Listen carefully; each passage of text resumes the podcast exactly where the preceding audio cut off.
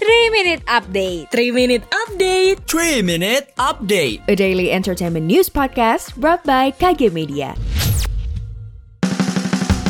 Webinar Temu Teman Motion balik lagi. Dalam menyambut tahun baru 2022, salah satu tradisi yang biasanya dilakukan yaitu membuat resolusi. Selain kehidupan dan karir, kamu harus menyiapkan resolusi keuangan juga. Jadi, nantikan webinar Temu Teman Motion Resolusi Investasi 2022 bersama Joyce Taurisanti, jurnalis harian Kompas dan penulis. Webinar bakal dipandu oleh Aditya Putra Dinata, penyiar Motion FM. Catat tanggalnya ya, hari Sabtu 22 Januari 2022 jam 1 siang via Zoom. Yuk, ikuti webinar Temu Teman Motion gratis loh.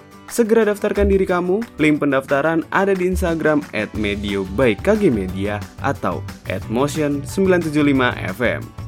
Temu Teman Motion persembahan Motion FM, KG Radio Network, dan Medio Podcast Network by KG Media. Berita pertama dilansir dari kompas.com. Setelah lama hiatus dari dunia musik, Kim Samuel bakal balik lagi bersama Big Planet Mate. Kesepakatan ini ngebuat Kim Samuel merasa senang bisa mengulang kembali karir bermusiknya. Kim Samuel bergabung ke agensi Big Planet Mate yang baru berdiri sejak 2021. Agensi ini juga menjadi rumah bagi Soyu, Heogak, Hang Soo-woon, dan masih banyak lagi. Kali ini Kim Samuel bakal memulai karir sebagai musisi solo. Kita beralih ke berita selanjutnya.